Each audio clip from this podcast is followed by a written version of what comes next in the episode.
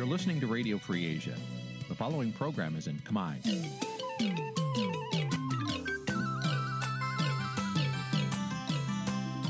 នេះជាកម្មវិធីផ្សាយ Vuthu Azizi Serai នេះជាកម្មវិធីផ្សាយរបស់ Vuthu Azizi Serai ជាភាសាខ្មែរ Vuthu Azizi Serai សូមស្វាគមន៍លោកអ្នកនាងទាំងអស់ពីរដ្ឋធានី Washington នៃសហរដ្ឋអាមេរិក។ ផ្សាយផ្ទាល់ពីរដ្ឋធានី Washington នាងខ្ញុំសុកជីវីសូមជម្រាបសួរលោកអ្នកនាងកញ្ញាដែលកំពុងតាមដានការផ្សាយរបស់ Vithu Azizi សេរីទាំងអស់ជាត្រីយើងខ្ញុំសូមជូនកម្មវិធីផ្សាយសម្រាប់យប់ថ្ងៃច័ន្ទ900ខែពុទ្ធបុត្រឆ្នាំខាលចត្វាស័កពុរសករាជ2566ចាប់ត្រូវនៅថ្ងៃទី19ខែកញ្ញាគ្រិស្តសករាជ2022ជាដំបូងនេះសូមអញ្ជើញលោកអ្នកនាងស្ដាប់ព័ត៌មានប្រចាំថ្ងៃដែលមានមេត្តាដូចតទៅ thank you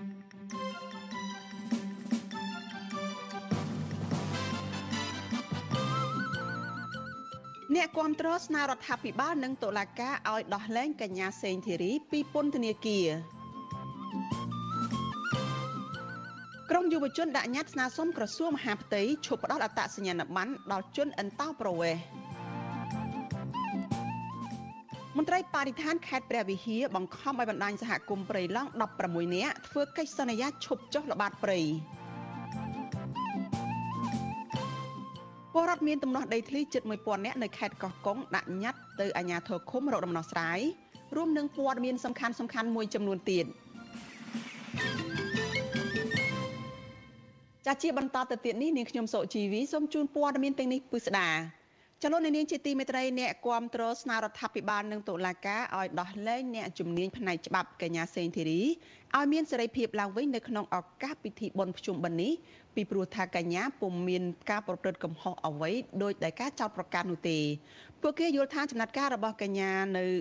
របស់អាជ្ញាធរទៅលើកញ្ញាសេងធីរីនេះគឺជាការបំបិទសិទ្ធិសេរីភាពបញ្ចេញមតិរបស់ពលរដ្ឋខ្មែរនៅក្នុងសង្គមប្រជាធិបតេយ្យ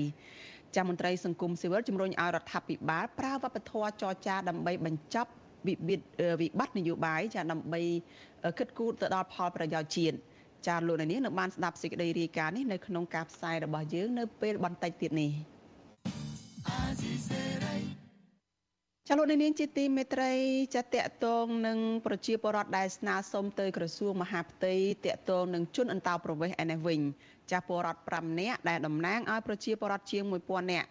នៅព្រឹកថ្ងៃទី19ខែកញ្ញានេះបាននាំគ្នាដាក់ញត្តិស្នើសុំក្រសួងមហាផ្ទៃបញ្ឈប់ការផ្ដាល់បានស្នាក់នៅអចិន្ត្រៃយ៍ទៅដល់ជនអន្តោប្រវេសន៍ ចាំមន្ត្រីសង្គមស៊ីវិលគាំទ្រការដាក់ញត្តិរបស់ពលរដ្ឋហើយថាការស្នើសុំនេះមិនមែនជាការរើសអើងជាតិសាសន៍នោះទេប៉ុន្តែគឺជាការដែលគិតគូរពីផលប្រយោជន៍របស់ពលរដ្ឋខ្មែរនិងការពារបូរណភាពទឹកដីចាប់ពីរដ្ឋធានី Washington លោកទីនសការីយ៉ារាយការណ៍ព័ត៌មាននេះតំណាងក្រមយុវជនលោក Thel Thilen ប្រាប់វិទ្យុអសិរ័យថាញត្តិដែលលោកបានដាក់ជូនក្រសួងមហាផ្ទៃបានភ្ជាប់ស្នាមមេដៃនិងលេខអត្តសញ្ញាណប័ណ្ណពីប្រជាពលរដ្ឋជាង1000នាក់ គាំទ្រស្នើសុំឲ្យក្រសួងមហាផ្ទៃបញ្ឈប់ការផ្ដល់លិខិតស្នាក់នៅអចិន្ត្រៃយ៍ដល់ជនអន្តោប្រវេសន៍លោក Thel Thilen បន្ថែមថាបច្ចុប្បន្នមានជនជាតិវៀតណាមរាប់ពាន់នាក់កំពុងសម្រុកចូលកម្ពុជា តាមច្រករបៀងព្រំដែនដើម្បីមកធ្វើបានស្នាក់នៅអចិន្ត្រៃយ៍ហើយនេះគឺជាការគំរាមកំហែងដល់សវត្ថិភាពប្រទេសជាតិពីព្រោះជនជាតិវៀតណាមមិនដាល់បោះបង់គំនិតឈ្លានពានទឹកដីកម្ពុជានោះទេ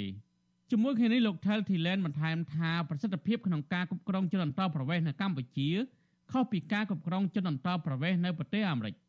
ព្រោះជនអន្តោប្រវេសន៍នៅកម្ពុជាភាគច្រើនជាជនជាតិចិននិងវៀតណាមហើយពួកគេទាំងនោះភាគច្រើនរកស៊ីខុសច្បាប់និងតែងតែបង្កបញ្ហាដល់សង្គមជាតិ ភាគច្រើនអសន្តិសុខនិងបញ្ហានានារបស់សង្គមគឺកើតចេញពីជនអន្តោប្រវេសន៍វៀតណាមហើយនឹងចិននេះឯងដូចជាគ្រឿងញៀនពេសាចាហើយចោរកម្មការជួញដូរមនុស្សការលាងលុយកខ្វក់នានានេះគឺសុទ្ធតែកើតជនអន្តោប្រវេសន៍ជាយើងអត់ទៅឲ្យគាត់កម្មទលំទលាទៀតអញ្ចឹងសង្គមជាតិយើងប្រកបជាមានហានិភ័យនិងបញ្ហាជាច្រើនប៉ះពាល់ដល់សុខុមាលភាពរបស់ប្រជាពលរដ្ឋខ្មែរយើងវិទ្យុអសិរ័យពុំអាចតតងអ្នកនាំពាក្យក្រសួងមហាផ្ទៃលោកខៀវសុភ័ក្រដើម្បីសំសួរអំពីញត្តិនេះបាននៅឡើយទេនៅថ្ងៃទី19កញ្ញា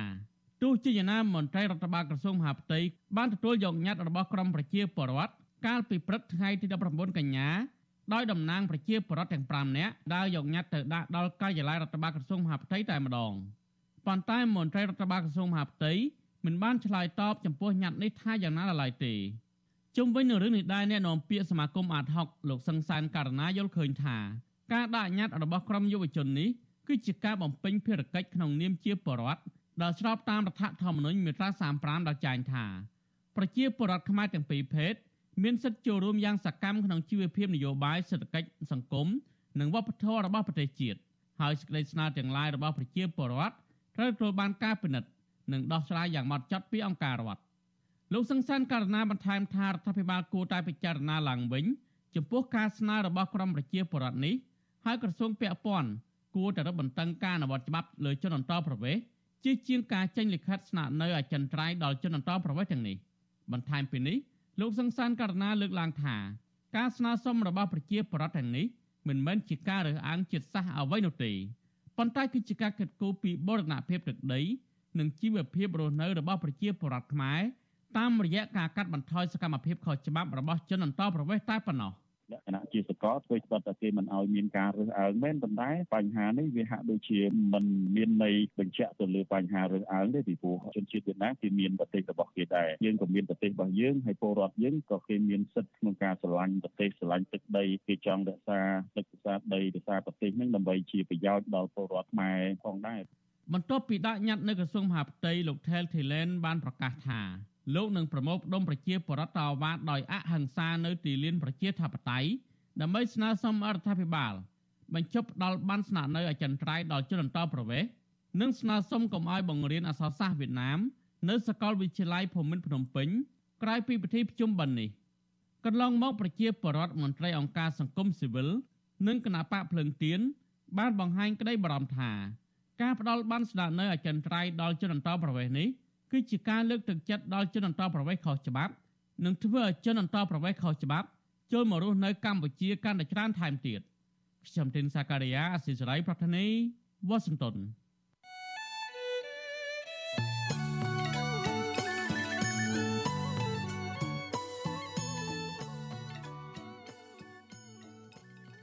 លោកនាងកញ្ញាប្រិយមិត្តជាទីមេត្រីចាដំណើរគ្នានឹងការផ្សាយផ្ទាល់តាមបណ្ដាញសង្គម Facebook និង YouTube នេះចាលោកនាងក៏អាចស្ដាប់ការផ្សាយរបស់ Vithu Azizi សេរីចាតាមរយៈ Vithu រលកធាតុអាកាសខ្លីចា SW តាមកម្រិតនិងកម្ពស់ដូចតទៅនេះចាប់ពេលព្រឹកចាប់ពីម៉ោង5កន្លះដល់ម៉ោង6កន្លះតាមរយៈរលកធាតុអាកាសខ្លី12140 kHz ស្មើកម្ពស់ 25m និង13715 kHz ស្មើនឹងកម្ពស់ 22m ពេលយប់ចាប់ពីម៉ោង7កន្លះដល់ម៉ោង8កន្លះតាមរយៈរលកធាតុអាកាសខ្លី9990 kHz ស្មើកម្ពស់ 30m 12140 kHz ស្មើកម្ពស់ 25m និង11885 kHz ស្មើនឹងកម្ពស់ 25m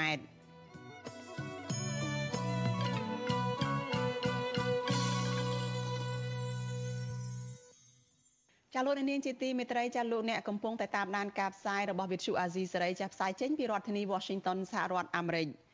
ចាគណៈបកសង្គ្រោះជាតិគ្រងនឹងដឹកនាំពលរដ្ឋខ្មែរអាមេរិកាំងប្រមាណ300នាក់ធ្វើបាតកម្មទ្រង់ទ្រីធំមួយចានៅថ្ងៃទី23ខែកញ្ញាខាងមុខនៅពេលដែលលោកយមត្រីហ៊ុនសែនចូលរួមកិច្ចប្រជុំអង្គការសហប្រជាជាតិនៅបូរីញូវយ៉កតើការធ្វើបាតកម្មនេះនឹងធ្វើនៅក្នុងទម្រង់បែបណា ហើយនៅក្នុងគោលបំណងអ្វីខ្លះ ចាសសូមលោកនាងរងចាំទស្សនាបទសម្ភាសអំពីបញ្ហានេះជាមួយនឹងអ្នករៀបចំកម្មវិធីបាតុកម្មនេះនៅក្នុងការផ្សាយរបស់យើងនៅពេលបន្តិចទៀតនេះ លោកអ្នកនាងជាទីមេត្រីចាអ្នកជំនាញតំបន់ទន្លេមេគង្គលើកឡើងថាកម្ពុជានៅក្នុងនាមជាប្រធានអាស៊ានកំពុងតែមាននៅឱកាសដ៏អស្ចារ្យមួយក្នុងការបង្ហាញឲ្យគេឯងឃើញពីការបំផុសឲ្យប្រទេសនានានៅក្នុងតំបន់អាស៊ានចាងាកមកគិតគូរអំពីបញ្ហាទន្លេមេគង្គចាអ្នកជំនាញរូបនោះ ថាបញ្ហាសន្តិសុខស្បៀងនៅក្នុងតំបន់ទន្លេមេគង្គនេះអាចជាចំណុចផ្សារភ្ជាប់ដ៏ល្អមួយនៃបញ្ហាទន្លេមេគង្គដើម្បីដាក់បញ្ចូលទៅក្នុងរបៀបវិរៈរបស់អាស៊ានចាជាបន្តទៅទៀតនេះសូមអញ្ជើញលោកអ្នកនាងទស្សនាបទសម្ភាសន៍មួយរវាងលោកមានរិទ្ធនិងនាយកកម្មវិធីអាស៊ីអាគ្នេយ៍នៃមជ្ឈមណ្ឌលស្រាវជ្រាវគោលនយោបាយ Stimson Center លោក Brian Eiler ជុំវិញបញ្ហានេះដូចតទៅ All right thank you so much Brian for your time and we appreciate it Uh my first question I want to know uh បាទ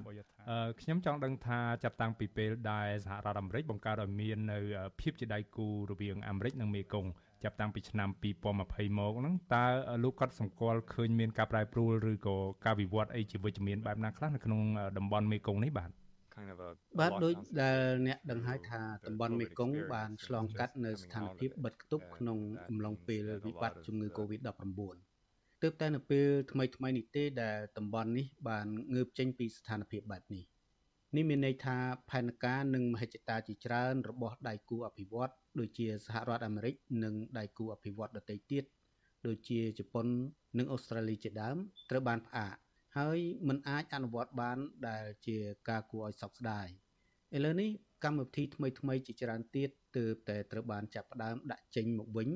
ពីខាងភាគីសហរដ្ឋអាមេរិកនិងដៃគូអភិវឌ្ឍដទៃទៀតដូច្នេះខ្ញុំគិតថានៅឆ្នាំបន្ទាប់គឺជាឆ្នាំដែលយើងត្រូវរងចាំមើលដើម្បីឲ្យដឹងថាតើនឹងមានឥទ្ធិពលអ្វីខ្លះដែលសហរដ្ឋអាមេរិកអាចសម្រេចបានក៏ប៉ុន្តែតាមរយៈភាពជាដៃគូរវាងសហរដ្ឋអាមេរិកនិងតំបន់មេគង្គ មានការផ្ដោតសារជាថ្មីឡើងវិញទៅលើបញ្ហាប្រែប្រួលអាកាសធាតុដូចជាការស្វែងរកដំណោះស្រាយទប់ទល់នឹងហានិភ័យអាកាសធាតុការកែលម្អផលប៉ះពាល់និងភាពធន់ស៊ាំនឹងផលប៉ះពាល់បណ្ដាលមកពីការប្រែប្រួលអាកាសធាតុជាដើមមានការផ្ដោតសារជាថ្មីទៅលើបញ្ហាសន្តិសុខមិនប្រពៃណីដូចជាអំពើជួញដូរមនុស្សដែលជាបញ្ហាដ៏សំខាន់មួយដែលកម្ពុជាកំពុងដោះស្រាយព្រមទាំងបញ្ហាជួញដូរសត្វព្រៃ ឬអំពើជួញដូរគ្រឿងញៀនខុសច្បាប់ជាដើមបញ្ហាអស់ទាំងនេះគឺបន្ថែមទៅលើកិច្ចពិគ្រោះយោបល់លើវិស័យជាប្រពៃណីនានាដូចជាវិស័យសុខាភិបាលអប់រំនិងសន្តិសុខទឹកជាពិសេសដូច្នេះការប្រែប្រួលមួយក្នុងចំណោមការប្រែប្រួលនានាដែលភាពជាដៃគូរវាងសហរដ្ឋអាមេរិកនិងតំបន់មេគង្គនាំមកហើយដែលខុសប្លែកគ្នាពីគម្រោងគំនិតផ្ដួចផ្ដើមតំបន់មេគង្គខាងក្រោមគឺថា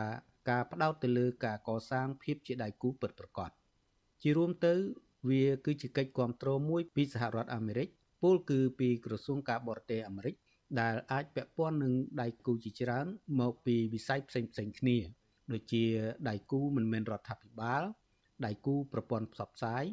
សកម្មជនបរិស្ថានតាមមូលដ្ឋាន បន្ថែមទៅលើកិច្ចគ្រប់គ្រងទ្វេភាគីជាលក្ខណៈប្រពៃណីទៅដល់រដ្ឋាភិបាលក្នុងតំបន់មេគង្គដើម្បីកែលម្អវិស័យអភិបាលកិច្ចបរិស្ថាន សុខាភិបាល អប់រំនិងបញ្ហានានា ដែលខ្ញុំបានលើកឡើងពី As you know this year បាទចុះចំពោះការលើកកម្ពស់ឲ្យមានការយល់ដឹងអំពីបញ្ហាតំបន់មេគង្គនៅក្នុងចំណោមសមាគមអាស៊ានវិញយើងដឹងហើយថាកម្ពុជាកំពុងដឹកនាំធ្វើជាប្រធានបដូវវេនអាស៊ាននៅក្នុងឆ្នាំនេះតើមានការលើកកម្ពស់ឲ្យមានការយល់ដឹងអំពីបញ្ហាតំបន់មេគង្គទៅក្នុងរបៀបវិរៈរបស់អាស៊ានបែបណាខ្លះដែរបាទបាទខ្ញុំគិតថា ជាការសំខាន់ដែលនេះគឺជាការទទួលខុសត្រូវរបស់អាស៊ាន ឬជាការទទួលខុសត្រូវរបស់ប្រទេសនានាក្នុងតំបន់អាស៊ាន ក្នុងការលើកកម្ពស់ឲ្យមាននៅកិច្ចពិភាក្សាអំពីបញ្ហាមេគង្គនេះឡើងពីព្រោះថាប្រសិនបើកិច្ចពិភាក្សានេះកើតចេញពីក្នុងតំបន់នោះខ្ញុំគិតថាវានឹងត្រូវបានគេគិតថាពិតជាមាននៅតម្រូវការពិតប្រាកដមែន ជាជាងការដែលដៃគូអភិវឌ្ឍជាអ្នកនិយាយចេញមកថាជាការសំខាន់ដែលត្រូវដាក់បញ្ចូលបញ្ហាមេគង្គទៅក្នុងរបៀបវិរៈរបស់អាស៊ានយើងដឹងហើយថាវៀតណាមបានព្យាយាមដាក់បញ្ចូលបញ្ហាមេគង្គនេះទៅក្នុងរបៀបវិរៈរបស់អាស៊ានក្នុងពេលដែលប្រទេសនេះធ្វើជាប្រធានអាស៊ានកាលពីពេលកន្លងទៅ។ក៏ប៉ុន្តែនៅទីបំផុតទៅប្រទេសនេះបានខកខានមិនបានធ្វើទៅវិញដោយសារតែវិបត្តិជំងឺរាតត្បាតសកល COVID-19 ហើយនឹងការជាប់រវល់ក្នុងការដោះស្រាយបញ្ហានេះនៅពេលដែលខ្ញុំបានធ្វើដំណើរទៅតំបន់នេះកាលពីពេលថ្មីៗនេះទាំងនៅកម្ពុជានិងទាំងនៅវៀតណាមខ្ញុំបានផ្ដោតការយកចិត្តទុកដាក់ចំពោះការបន្លឺសម្លេងជំវិញបញ្ហាមេគង្គដែលភាគីពាក់ព័ន្ធបានលើកឡើងដើម្បីដាក់បញ្ហាមេគង្គចូលទៅក្នុងរបៀបវិរៈរបស់អាស៊ាន។ខ្ញុំពិតជាបានឮប្រទេសទាំងពីរនេះផ្ដោតលើបញ្ហាសន្តិសុខស្បៀង វាជាការគួរឲ្យចាប់អារម្មណ៍មែនទែនដែលកម្ពុជានិងវៀតណាមសុទ្ធតែផ្ដោតលើសារៈសំខាន់នៃបញ្ហាសន្តិសុខស្បៀងសម្រាប់ប្រទេសរបស់ពួកគេរៀងៗខ្លួននិងទំនាក់ទំនងរវាងការធ្លាក់ចុះគុណភាពទន្លេមេគង្គនិងសន្តិសុខស្បៀងដូច្នេះខ្ញុំគិតថានេះជាចំណុចតភ្ជាប់គ្នា ហើយខ្ញុំជឿជាក់ថាវាអាចទៅរួចដែលប្រទេសថៃអាចនឹងធ្វើតាម ហើយថាប្រទេសដទៃទៀតក្នុងតំបន់អាស៊ានអាចនឹងលើកយកបញ្ហាសន្តិសុខស្បៀងនេះធ្វើជាប្រធានបទនៃកិច្ចពិភាក្សាដោយសារតែប្រទេសទាំងនោះសុទ្ធតែមានតម្រូវការស្បៀងពីតំបន់មេគង្គដូចគ្នាកម្ពុជានិងវៀតណាមគឺជាប្រទេសនាំចេញស្បៀងនៅក្នុងតំបន់មេគង្គដល់ប្រទេសជាប់សមុទ្រដទៃទៀតនៅក្នុងតំបន់អាស៊ាន ដែលជាទូទៅប្រទេសទាំងនោះមិនបានផ្ដោតអតិភិបលើបញ្ហារបស់មេគង្គឡើយដូច្នេះខ្ញុំគិតថា មានឱកាសដែលត្រូវចាប់យកនៅទស្សនវិជ្ជាមួយក្នុងចំណោមបញ្ហាជាច្រើនទៀតក្នុងតំបន់មេគង្គហើយនោះគឺបញ្ហាសន្តិសុខស្បៀងពលគឺត្រូវលើកកម្ពស់បញ្ហានេះទៅក្នុងរបៀបវិរៈអាស៊ាន ហើយនឹងតាមដានមើលថាតើបញ្ហានេះអាចនឹងនាំឲ្យមានឡើងនៅកិច្ចខិតខំប្រឹងប្រែងនិងចំណាប់អារម្មណ៍ច្រើនជាងនេះទៅលើបញ្ហាមេគង្គដែរឬយ៉ាងណានោះ បាទអញ្ចឹងតើលោកវាតម្លៃយ៉ាងម៉េចដែរចំពោះភាពជាប្រធានបដូវវេនអាស៊ានរបស់កម្ពុជា នៅក្នុងការលើកយកបញ្ហាមេគង្គនេះមកធ្វើជារបៀបវិរៈរបស់អាស៊ាននោះបាទហើយដោយដែលយើងដឹងហើយថាកម្ពុជា បានធ្វើជាប្រធានបដូវវេនរបស់អាស៊ានអស់រយៈពេលជាងកន្លះឆ្នាំមកហើយហើយនៅដើមខែវិច្ឆិកាខាងមុខនេះនឹងមានកិច្ចប្រជុំកំពូលអាស៊ាន ដែលនឹងមានដៃគូអភិវឌ្ឍព្រមទាំងក្រុមមេដឹកនាំពិភពលោកជាច្រើនដូចជាសហរដ្ឋអាមេរិកមកចូលរួមផងដែរនោះបាទ ខ្ញុំគិតថាកម្ពុជាមាននៅឱកាសដ៏អស្ចារ្យមួយដើម្បីបង្ហាញឲ្យគេឯងឃើញពីការជំរុញទឹកចិត្តផ្នែកនយោបាយរបស់ខ្លួនក្នុងការដោះស្រាយបញ្ហានានារបស់តំបន់មេគង្គហើយបំផ្លែងការជំរុញទឹកចិត្តនោះឲ្យคล้ายទៅជាទូនីតិនិងការទទួលខុសត្រូវរបស់ខ្លួនក្នុងនាមជាប្រធានអាស៊ាន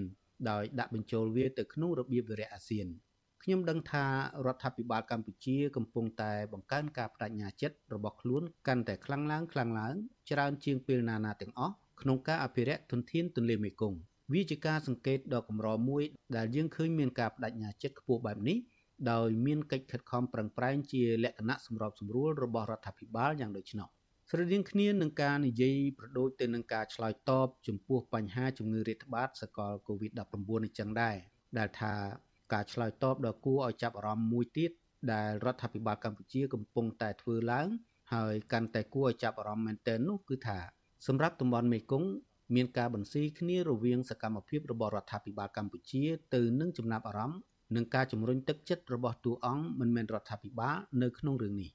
ដូច្នេះខ្ញុំអាចមើលឃើញពីរង្វង់នៃសកម្មភាពនានាដែលកើតមានឡើងជាមួយគ្នានៅកម្ពុជាជំរុញការការពារទន្លេមេគង្គកាន់តែខ្លាំងឡើងខ្លាំងឡើង សកម្មភាពទាំងនេះគឺពាក់ព័ន្ធនឹងទន្លេសាប ការមិនសាងសង់ទំនប់វារីអគ្គិសនីបន្ថែម និងការបដិញ្ញាចិត្តរបស់កម្ពុជាក្នុងការការពារតំបន់លិចទឹក មានការឆ្លើយតបដ៏ទូលំទូលាយមួយដែលរដ្ឋាភិបាលកំពុងដោះស្រាយហើយក៏មានការចូលរួមពីតួអង្គមិនមែនរដ្ឋាភិបាលផងដែរសកម្មភាពទាំងអស់នេះប្រហែលជាគួរឲ្យចាប់អារម្មណ៍ច្រើនជាងនៅប្រទេសដទៃទៀតនៅក្នុងតំបន់នេះនាពេលបច្ចុប្បន្ននេះដូច្នេះខ្ញុំគិតថា កម្ពុជាកំពុងមាននៅឱកាសក្នុងការបំផ្លាញសកម្មភាពទាំងនោះដើម្បីបង្ហាញដល់តំបន់អាស៊ានថានេះគឺជាមូលហេតុដែលយើងត្រូវតែគិតគូរអំពីទន្លេសាបនិងថានេះគឺជាមូលហេតុដែលយើងត្រូវតែគិតគូរអំពីបញ្ហាជលផលឬក៏ថានេះគឺជាមូលហេតុដែលយើងត្រូវតែគិតគូរអំពីទន្លេមេគង្គក៏ប៉ុន្តែយើងពុំអាចការពារប្រព័ន្ធទន្លេមេគង្គបានទេប្រសិនបើគ្មានវិធានការណាមួយពីថ្នាក់តំបន់ទាំងមូលនោះ ដូច្នេះហើយអាស៊ានមានតួនាទីមួយនៅក្នុងបញ្ហានេះនេះគឺជាសារដែលចាំបាច់ត្រូវបញ្ជូនចេញខ្ញុំនៅមិនទាន់ឃើញការបញ្ចេញសារដូចនេះនៅឡើយទេនេះគឺជាឱកាសមួយដែលខ្ញុំគិតថាវាគឺជាអ្វីមួយដែលអាចនឹងកើតមានឡើងបានខ្ញុំលើកទឹកចិត្តដល់ភាគីពាក់ព័ន្ធនៅថ្នាក់រដ្ឋាភិបាលនិងថ្នាក់មិនមែនរដ្ឋាភិបាលឲ្យចាប់ផ្ដើមអនុវត្តនៅវិធានការដូចនេះបាទសូមអរគុណលោកបាទបាទអរគុណ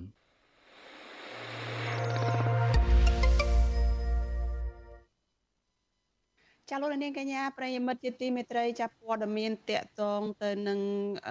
អ្នកច្បាប់ដែលជាពលរដ្ឋខ្មែរសញ្ជាតិអាមេរិកគឺកញ្ញាសេងធីរីឯនេះវិញចាអ្នកគាំទ្រស្នើរដ្ឋាភិបាលនិងតុលាការដោះលែងអ្នកជំនាញផ្នែកច្បាប់កញ្ញាសេងធីរីឲ្យមានសេរីភាពឡើងវិញនៅក្នុងឱកាសបុណ្យភ្ជុំបិណ្ឌនេះ ពីព្រោះថាកញ្ញាគ្មានកំហុសអ្វីទេពួកគេយល់ថាចំណាត់ការរបស់អាជ្ញាធរលើកញ្ញាសេងធីរីនេះគឺជាការបំបិទសិទ្ធិសេរីភាពបញ្ចេញមតិរបស់ពលរដ្ឋខ្មែរនៅក្នុងសង្គមប្រជាធិបតេយ្យមន្ត្រីសង្គមស៊ីវិលជំរុញឲ្យរដ្ឋាភិបាលប្រើវប្បធម៌ចរចាបញ្ចប់វិបត្តិនយោបាយដើម្បីផលប្រយោជន៍ជាតិចាលោកសីបណ្ឌិត មានសេចក្តីរាយការណ៍អំពីរឿងនេះសកម្មជនសង្គមនិងយុវជន នាំគ្នាចេញទៀមទាឲ្យរដ្ឋាភិបាលលោកហ៊ុនសែនទម្លាក់ចោលការចោទប្រកាន់លើអ្នកជំនាញច្បាប់និងកិច្ចការអន្តរជាតិគឺកញ្ញាសេងធារីដើម្បីឲ្យសង្គមមានការគោរពសិទ្ធិមនុស្សរក្សាផលប្រយោជន៍ជាតិនិងប្រជាពលរដ្ឋពីព្រោះគាត់ពុំមានកំហុសដោយការចោទប្រកាន់នោះទេអតីតសកម្មជនបឹងកក់ដែលសកម្មក្នុងការចេញតស៊ូមតិជាមួយនឹងកញ្ញាសេងធីរីគឺលោកស្រីសាផាប្រាប់បទសុអសីសេរីនៅថ្ងៃទី19កញ្ញាថា លោកស្រីនៅតែចាត់ទុកការចាប់ខ្លួនកញ្ញាសេងធីរីពីសំណាក់អាជ្ញាធរក្រុងភ្នំពេញកន្លងមកនោះគឺជារឿងអយុត្តិធម៌និងឈឺចាប់បំផុតសម្រាប់អ្នកដែលប្រើប្រាស់សិទ្ធិសេរីភាពនៅក្នុងសង្គមប្រជាធិបតេយ្យលោកស្រីបញ្ជាក់ថាទោះបីពេលនេះលោកស្រីកំពុងភៀសខ្លួននៅក្នុងប្រទេសថៃដើម្បីគេចចេញពីការតាមចាប់ចង និងការធ្វើទុកបុកម្នេញពីសំណាក់រដ្ឋាភិបាលកម្ពុជាក៏ដោយ ក៏លោកស្រីមិនបោះបង់ការទៀមទារោគយុទ្ធធរជូនកញ្ញាសេងធីរីដែរសកម្មជនរូបនេះឲ្យដឹងថាកាលពីថ្ងៃទី18ខែកញ្ញា លោកស្រីនិងស្ត្រីភៀសខ្លួនផ្សេងទៀតបាននាំគ្នាពាក់អាវយឺតមានរូបកញ្ញាសេងធីរីចូលរួមពិធីជួបជុំនៅក្នុងឱកាសពិធីបុណ្យភ្ជុំបិណ្ឌមួយជាមួយនឹងប្រជាពលរដ្ឋរាប់រយនាក់នៅទីក្រុងបាងកកដើម្បីបង្ហាញពីវីរភាពរបស់កញ្ញា ព្រមទាំងទាមទារឲ្យរដ្ឋាភិបាលដោះលែងកញ្ញាសេងធីរី ដោយឥតលក្ខខណ្ឌខ្ញុំនៅតរហូតដែលទៀមទានឹងដោះលែងកញ្ញាសេងរីដោយសារខ្ញុំមកដល់ប្រទេសទី2ហើយក៏ខ្ញុំនៅតែធ្វើដែរដោយសារខ្ញុំបានលះបង់ជីវិតរបស់ខ្ញុំហើយខ្ញុំបញ្ញានឹងនឹងទៀមទាដោះលែងគាត់អត់ដាក់ខណ្ឌស្រដៀងគ្នានេះដែរតំណាងក្រមស្ត្រីថ្ងៃសុកលោកស្រីព្រំចន្ទថាថ្លែងឲ្យដឹងថា ចាប់តាំងពីអាញាធរចាប់ខ្លួនកញ្ញាសេងធីរី ដាក់ពន្ធនាគារមកក្រមស្ត្រីថ្ងៃសុកបានចេញតវ៉ានិងដាក់ញត្តិនៅតាមប្រទេសប្រជាធិបតេយ្យធំធំដើម្បីឲ្យជួយអន្តរាគមន៍ដោះលែងកញ្ញានិងសកម្មជននយោបាយផ្សេងទៀតឲ្យមានសេរីភាពមកវិញលោកស្រីឲ្យដឹងថាទោះបីកន្លងទៅ ពួកលោកស្រីត្រូវរងការយាយីនិងការប្រើអំពើហិង្សាពីសំណាក់អាជ្ញាធរនិងក្រមសន្តិសុខយ៉ាងណាក្តីតែយ៉ាងហោចណាស់សកម្មភាពទាំងនោះ ក៏បានផ្ញើសារឲ្យទៅសាធារណជន និងអន្តរជាតិដឹងច្បាស់អំពីទង្វើរបស់រដ្ឋាភិបាលកម្ពុជា ដែលកំពុងធ្វើទុកបុកម្នេញមកលើសកម្មជន និងអ្នកនយោបាយដែលមាននិន្នាការផ្ទុយពីខ្លួនលោកស្រីព្រំចន្ទថាអំពីវនីដល់រដ្ឋាភិបាលសូមឲ្យដោះលែងកញ្ញាសេងធីរី និងសកម្មជននយោបាយទាំងអស់ឲ្យមានសេរីភាពបង្វិញ នៅក្នុងឱកាសរដូវបុណ្យភ្ជុំបិណ្ឌនេះ ខ្ញុំសូមឲ្យរដ្ឋាភិបាលហ្នឹងឲ្យមានការដោះលែងបញ្ញាសេនជូរីក៏ដូចជាក្រុមឧស្សាហ៍ពួកខ្ញុំទៅព្រោះវាអត់មានទោសអីទេហើយរំលែករកការចោទទាំងអស់ទៅយុសិដឹកគាត់មកព្រៃសរវិញមកដោយសារចិត្តកូនចិត្តចៅចិត្តញាតិសន្តានទាំងអស់ដែលបានទៅមើលសួរសុខទុក្ខព្រោះឆ្ងាយមែនតែនពិបាកនឹងការសួរសុខទុក្ខខ្លាំងណាស់ចំណែកឯយុវជនខ្មែរថាវរៈកញ្ញាសុគន្ធតុលា បានលើកឡើងថា សកម្មភាពរបស់កញ្ញាសេងធីរីមិនមានកំហុសដោយការចោទប្រកាន់នោះទេ តែគាត់ ជាពលរដ្ឋសកម្មនិងក្លាហានហ៊ានចេញមុខតស៊ូមតិប្រឆាំងនឹងអំពើអយុត្តិធម៌ដើម្បីទាមទារសិទ្ធិសេរីភាពនៅក្នុងសង្គមសម្រាប់ប្រជាពលរដ្ឋខ្មែរទូទៅ ដែលការលះបង់នេះបានផ្ដល់គំរូល្អសម្រាប់យុវជនចំនួនក្រោយកញ្ញាសកុនតូឡាបញ្ជាក់ថាក្រមយុវជនសង្គមនៅតែបដិញ្ញាចិត្តធ្វើសកម្មភាពគ្រប់មធ្យោបាយដោយសន្តិវិធីរហូតមានការដោះលែងកញ្ញាសេនធីរីឲ្យមានសេរីភាពមកវិញ។ ចំពោះខ្ញុំខ្ញុំគាត់ថារដ្ឋាភិបាលគាត់តែពិចារណានៅអ្វីដែលគាត់បានចាប់ខ្លួនពីបងសេងសេរីហ្នឹងហើយសូមទាមទារឲ្យរដ្ឋាភិបាលហ្នឹងគួរតែផ្ដល់សិទ្ធិនិងអនុញ្ញាតឲ្យគាត់មានសិទ្ធិនៅក្រៅភូមិដើម្បីចូលរួមពិធីបុណ្យជុំបិណ្ឌយើងនៅខាងមុខអ្នកជំនាញផ្នែកច្បាប់និងវិទ្យាសាស្ត្រនយោបាយអន្តរជាតិកញ្ញាសេងធារីត្រូវបានសាលាដំបងរាជធានីភ្នំពេញកាត់ទោសឲ្យជាប់ពន្ធនាគាររយៈពេល6ឆ្នាំ កាលពីថ្ងៃទី14ខែមិថុនាពីបទចោទរួមគំនិតក្បត់ក្នុងសំណុំរឿង វិលចូលស្រុករបស់ប្រធានស្ដីទីគណៈបកសង្គ្រោះជាតិលោកសំរងស៊ីកាលពីឆ្នាំ2019មុនការខាត់ខ្លួនកញ្ញាសេនធរី បានតតាំងជាមួយនឹងតុលាការជាច្រើនខែហើយកញ្ញា បានចាត់ទុកតុលាការកម្ពុជា ជាតុលាការសម្ដែងល្ខោនរៀបចំដោយអ្នកនយោបាយកញ្ញាសេនធរីត្រូវបានអាជ្ញាធរពន្ធនាគារផ្ទេរទៅឃុំនៅឯពន្ធនាគារខេត្តព្រះវិហារកាលពីថ្ងៃទី15ខែមិថុនា ក្រោយពីការចាប់ឃុំខ្លួននៅភ្នំពេញបានមួយថ្ងៃឆ្លើយតបនឹងរឿងនេះប្រធានអង្គភិបអ្នកណែនាំពាក្យរដ្ឋាភិបាលលោកផៃស៊ីផានអះអាងដដែលដដែលថាការចោទប្រកាន់លើកញ្ញាសេនធរី គឺជាការអនុវត្តច្បាប់ដោយផ្អែកលើភ័ស្តុតាង និងអង្គហេតុត្រឹមត្រូវលោកថារដ្ឋាភិបាលពុំមានសិទ្ធិលូកដៃលើកិច្ចការងាររបស់តុលាការនោះទេពីព្រោះសំណុំរឿងនេះកំពុងស្ថិតក្នុងដំណើរការនីតិវិធីរបស់ស្ថាប័នតុលាការនៅឡើយ សំណងពោអានឹងជាសំណងពោហើយកាន់តែរដ្ឋាភិបាលអត់មានផែនសមត្ថកិច្ចក្នុងការជឿជ្រែកឬការបង្គាប់ដល់តុលាការដើម្បីពន្លត់រឿងនោះគឺតែយើងអត់មានយើងអត់មានសមត្ថកិច្ចនៅក្នុងសាយជឿនឹងមានតែតុលាការទេវិទ្យុអសីសេរីនៅពុំទាន់អាចតាក់ទងអ្នកនាំពាក្យតុលាការក្រុងភ្នំពេញលោកអ៊ីរិននិងអ្នកនាំពាក្យក្រសួងយុទ្ធភ័ពលោកជិនម៉ាលីន ដើម្បីឆ្លើយតបជុំវិញរឿងនេះបាននៅឡើយនៅថ្ងៃទី19ខែកញ្ញាទោះយ៉ាងណាអ្នករាយការណ៍ពិសេសរបស់អង្គការសហប្រជាជាតិប្រចាំនៅកម្ពុជា លោកវិទិតមុនតបនកាលពីពេលថ្មីថ្មីនេះបានថ្លែងក្រោយពេលបិទបញ្ចប់ដំណើរបេសកកម្មរបស់លោកដោយផ្ដោតសំខាន់លើការស្នើសុំរដ្ឋាភិបាលកម្ពុជាពន្លឿនការកែតម្រង់ប្រព័ន្ធតុលាការដើម្បីការពារសិទ្ធិសេរីភាពពលរដ្ឋ និងត្រូវដោះលែងសកម្មជនគណបកនយោបាយដែលកំពុងជាប់ឃុំឲ្យមានសេរីភាពមកវិញជាមួយគ្នានោះលោកក៏អំពាវនាវដល់រដ្ឋាភិបាលកម្ពុជាឲ្យបើកលំហសេរីភាពសង្គមស៊ីវិលនិងអ្នកនយោបាយក្នុងនោះក៏រាប់បញ្ចូលទាំងការលុបចោលនិងការកែតម្រង់ច្បាប់នានាដែលរដ្ឋបិទសិទ្ធិសេរីភាពពលរដ្ឋផងដែរនាយកទទួលបន្ទុកកិច្ចការទូតទៅនៃអង្គការសិទ្ធិមនុស្សលីកាដូលោកអមសំអាតក៏សម្គាល់ឃើញថាការចាប់ខ្លួនកញ្ញាសេនធរី ដោយសារសកម្មភាពតស៊ូមតិយ៉ាងសកម្មរបស់កញ្ញាកន្លងមកលោកបន្តថាសហគមន៍ជាតិនិងអន្តរជាតិបានចាត់ទុកការចាប់ខ្លួននិងឃុំខ្លួនមេដឹកនាំគណៈបកប្រឆាំងកន្លងមក គឺជារឿងនយោបាយដែលរំលោភបំពានទៅលើគោលការណ៍សិទ្ធិមនុស្សជាពិសេសរដ្ឋបិទសិទ្ធិនយោបាយរបស់ប្រជាពលរដ្ឋដែលធានាដោយរដ្ឋធម្មនុញ្ញលោកយល់ថាករណីនេះរដ្ឋាភិបាល និងភាគីពាក់ព័ន្ធគួរចូលតុចរចា ដោះស្រាយវិបត្តិនយោបាយហើយដោះលែងកញ្ញាសេងធារី និងសកម្មជនផ្សេងទៀតដោយដែលអ្នកនយោបាយធ្លាប់ធ្វើកន្លងមកដើម្បីផលប្រយោជន៍ជាតិនិងបញ្ជាការរិះគន់នានា រដ្ឋាភិបាលតែតែមានការការពារខ្លួនឯពាក់ព័ន្ធនឹងការចាត់ការគ្រប់ខ្លួននឹងថាវាជារឿងរបស់តុលាការហើយនឹងជារឿងការវត្តច្បាប់តែបើយើងមើលតាមបទពិសោធន៍កន្លងមកអ្នកជំនាញសិទ្ធិមនុស្សអន្តរជាតិក៏ដូចជាក្រុមប្រឹក្សាសិទ្ធិមនុស្សអង្គការសហជីវជាតិនៅតាមប្រទេសផ្សេងៗដែលប្រកាន់លទ្ធិជាតិបតៃនឹងគេមើលឃើញថា ការចាប់ការឃុំខ្លួនទៅលើអតីតសកម្មជនគណៈបកនយោបាយមួយចំនួនក៏ដូចជាកញ្ញាសេងធារីនេះវាជារឿងនយោបាយច្រើនជាងហេតុផលនៃការអនុវត្តច្បាប់មូលនិធិកូឡូនីសម្រាប់យុទ្ធធរ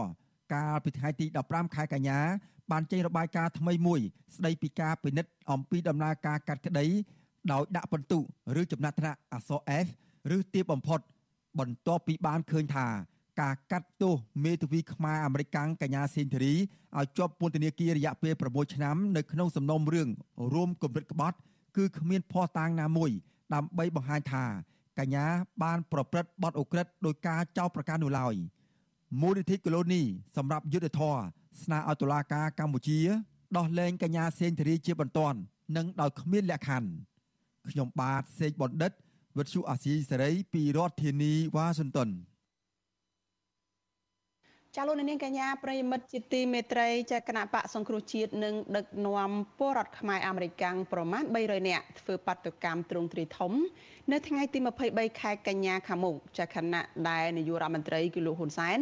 មកចូលរួមកិច្ចប្រជុំអង្គការសហប្រជាជាតិចានៅឯបូរីញូវយ៉កតែការធ្វើបាតុកម្មនេះធ្វើឡើងក្នុងទម្រង់បែបណាហើយនៅក្នុងគោលបំណងអ្វីខ្លះ ចាសសូមអញ្ជើញលោកអ្នកនាងរងចាំទស្សនាបទសម្ភាសអំពីបញ្ហានេះជាមួយអ្នករៀបចំធ្វើបាតុកម្មនេះនៅក្នុងការផ្សាយរបស់យើងនៅពេលបន្តិចទៀតនេះចាសសូមអរគុណចាលោកនាងជាទីមេត្រីមន្ត្រីជាន់ខ្ពស់និងគ្រួសារ មន្ត្រីជាន់ខ្ពស់គណៈបកសង្គ្រោះជាតិមួយរូបគឺលោកជាជីវចាប់ព្រមទាំងប្រពន្ធនិងកូនកូន5នាក់បានភៀសខ្លួនទៅប្រទេសថៃនៅក្នុងពេលថ្មីថ្មីនេះដើម្បីគេចពីការប៉ុនប៉ងចាប់ខ្លួនដោយអាជ្ញាធរលោកហ៊ុនសែនចាស់ជីវិតជាជនភៀសខ្លួននយោបាយដូចនេះគ្រួសារលោកជាជីវប្រឈមនឹងបញ្ហាស្ទើរគ្រប់បែបយ៉ាងចាស់ចាប់ ពីការចំណាយប្រចាំថ្ងៃនិងបារម្ភពីសវត្ថិភាពថែមទៀតផងចាសសូមអញ្ជើញលោកនាងទស្សនាសេចក្តីរាយការណ៍របស់លោកនៅវណ្ណរិនអំពីរឿងនេះដូចតទៅសប្តាហ៍ថ្ងៃនេះលោកជាជីវរស់នៅក្នុងបន្ទប់មានបណ្ដោយ4ម៉ែត្រទទឹង4ម៉ែត្រជាកន្លែងដែលគេងកន្លែងធ្វើម្ហូបនិងបន្ទប់ទឹកនេះជាកន្លែងរស់នៅថ្មីរបស់ក្រុមគ្រួសារមន្ត្រីបកប្រឆាំងលោកជាជីវ ប្រធានគណៈបកសង្គ្រោះជាតិប្រចាំខេត្តបាត់ដំបងលោកជាជីវបានរត់ចេញពីប្រទេសសឹងតែមិនទាន់ព្រោះសមត្ថកិច្ចនៃរដ្ឋាភិបាលជិត20នាក់បានទៅពាត់ផ្ទះរបស់លោក នៅក្នុងខេត្តបាត់ដំបង កាលពីខែសីហា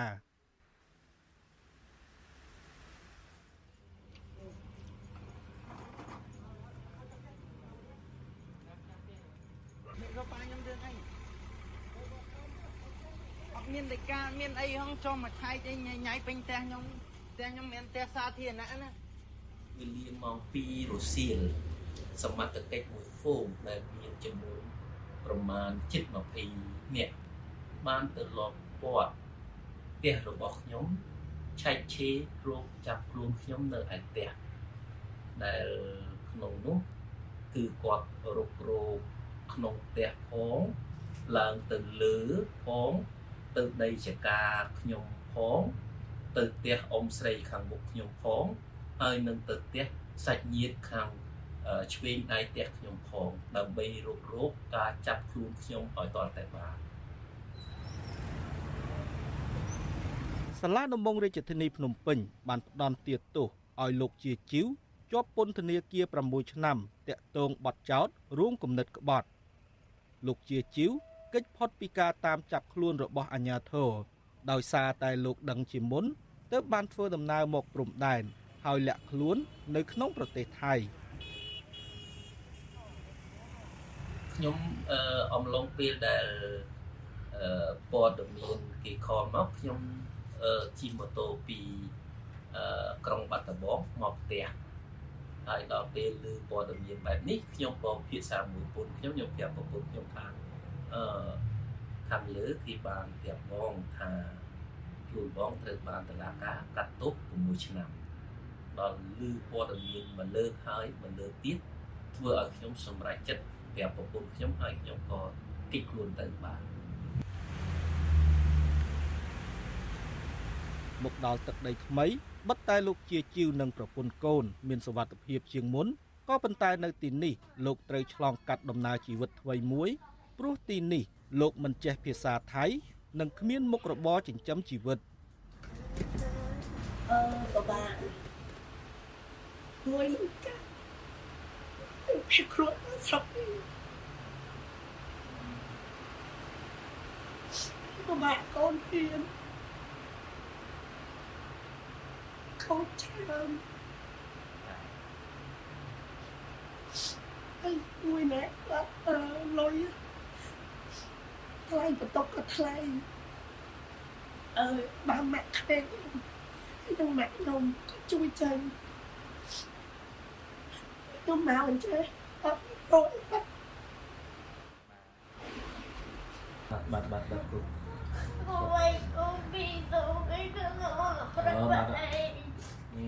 លោកជាជីវត្រូវបានសមត្ថកិច្ចចាប់ដាក់ពន្ធនាគារម្ដងរួចមកហើយកាលពីថ្ងៃទី6ខែវិច្ឆិកា ក្នុងព្រឹត្តិការណ៍វល់ចូលស្រុករបស់ប្រធានស្ដីទីគណៈបកសង្គ្រោះជាតិលោកសំរងស៊ីកាលពីឆ្នាំ2019ប៉ុន្តែការនោះគណៈរដ្ឋាភិបាលរារាំងមិនឲ្យលោកសំរងស៊ីចូលស្រុកតាមផែនការសមត្ថកិច្ចក៏បានដោះលែងលោកឲ្យមានសេរីភាពកាលពីថ្ងៃទី15ខែកញ្ញា